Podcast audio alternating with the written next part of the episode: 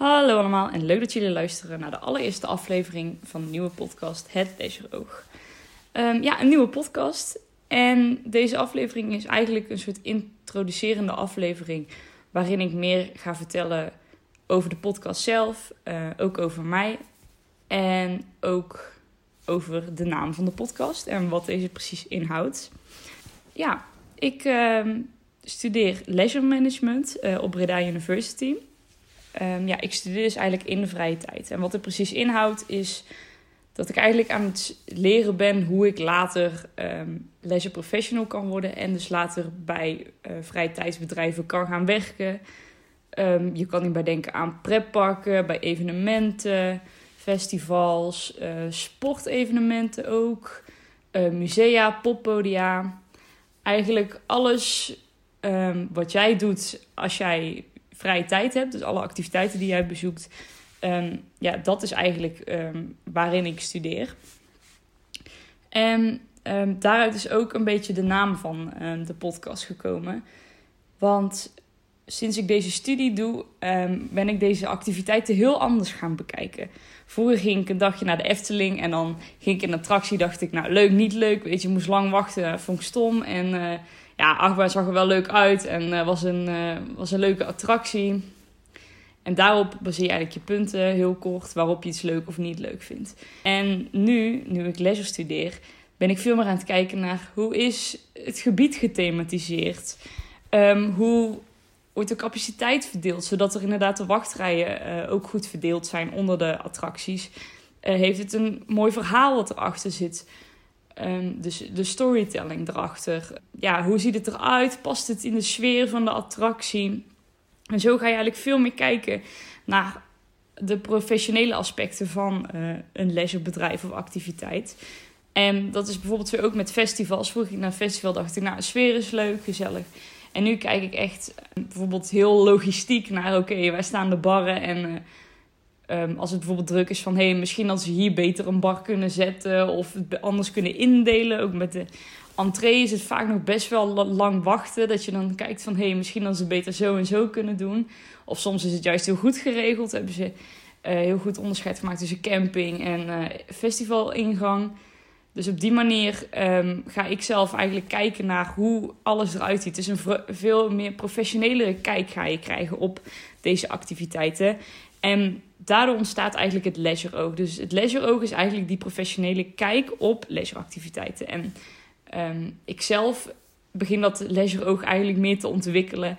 Maar ook mensen die bijvoorbeeld heel erg uh, verdiept zijn in een bepaalde sector. Bijvoorbeeld de attractieparkensector. Daarin zijn heel veel mensen die zich heel erg daarin verdiepen. En heel veel fascinatie hebben en passie hebben voor uh. En zij hebben ook op gebied van attractieparken echt een leisure-oog ontwikkeld. Dus zij kunnen ook veel professioneler kijken naar um, deze activiteiten. En het leek mij super leuk om dus deze studie, dus wat ik doe, mijn passie, om dat eigenlijk ja, te vertellen aan, aan jullie als luisteraar. Om ook meer inzicht te krijgen in ja, die professionele kijk op uh, leisure. Ja, en zodat ik eigenlijk ook een platform heb waarop ik mijn passie kan delen en ook gewoon lekker kan, uh, kan lullen over, over attractieparken en over dingen die ik heb bezocht. Echt van alles wat mij op dat moment bezighoudt. En ook leuk om in de coronatijd mezelf een beetje bezig te houden natuurlijk.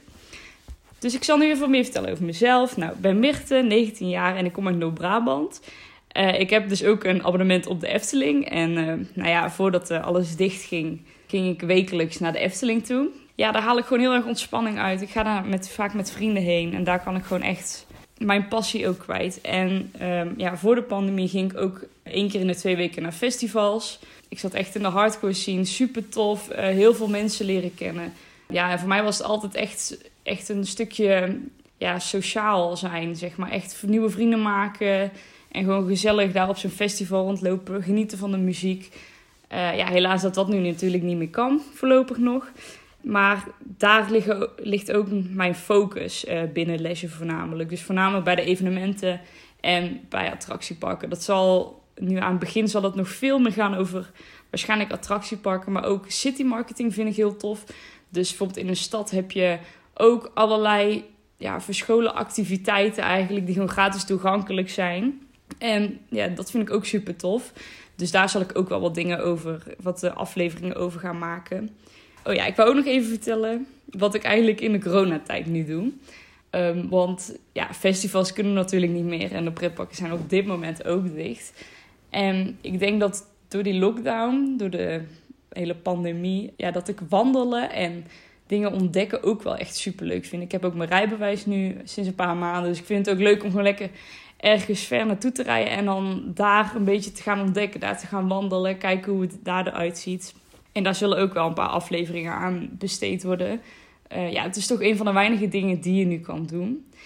En als ik thuis zit, dan ja, af en toe een vriend die even langskomt. Dat je gewoon, weet je, ik vind het ook gewoon fijn om mijn vrienden te zien.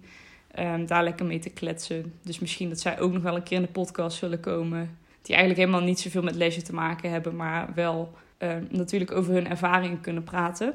En verder uh, vind ik het ook nog leuk om te gamen. Dat doe ik ook af en toe niet super vaak. Maar ja, dat is eigenlijk allemaal toch een vorm van vrije tijd natuurlijk. Ook thuis besteed je superveel tijd aan vrije tijd. Weet je, als zit je op social media te scrollen, dan ben je ook al bezig met. Dat is ook al een stukje vrije tijd van jou.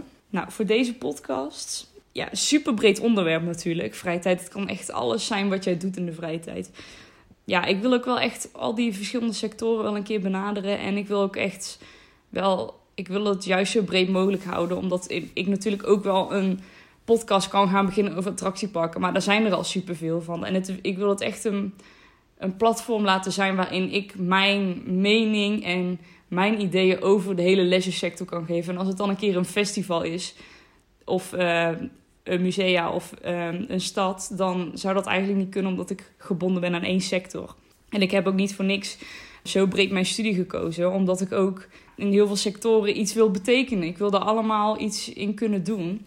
En daarom uh, heb ik deze podcast ook heel breed gehouden. Nou, maar ik zou jullie al wel vast kunnen vertellen wat voor ideetjes ik allemaal heb voor uh, afleveringen die dus zouden kunnen komen. Ik heb natuurlijk heel veel medestudenten, ook studenten die nu stage lopen. En het is ook wel heel leuk om uh, hen te interviewen.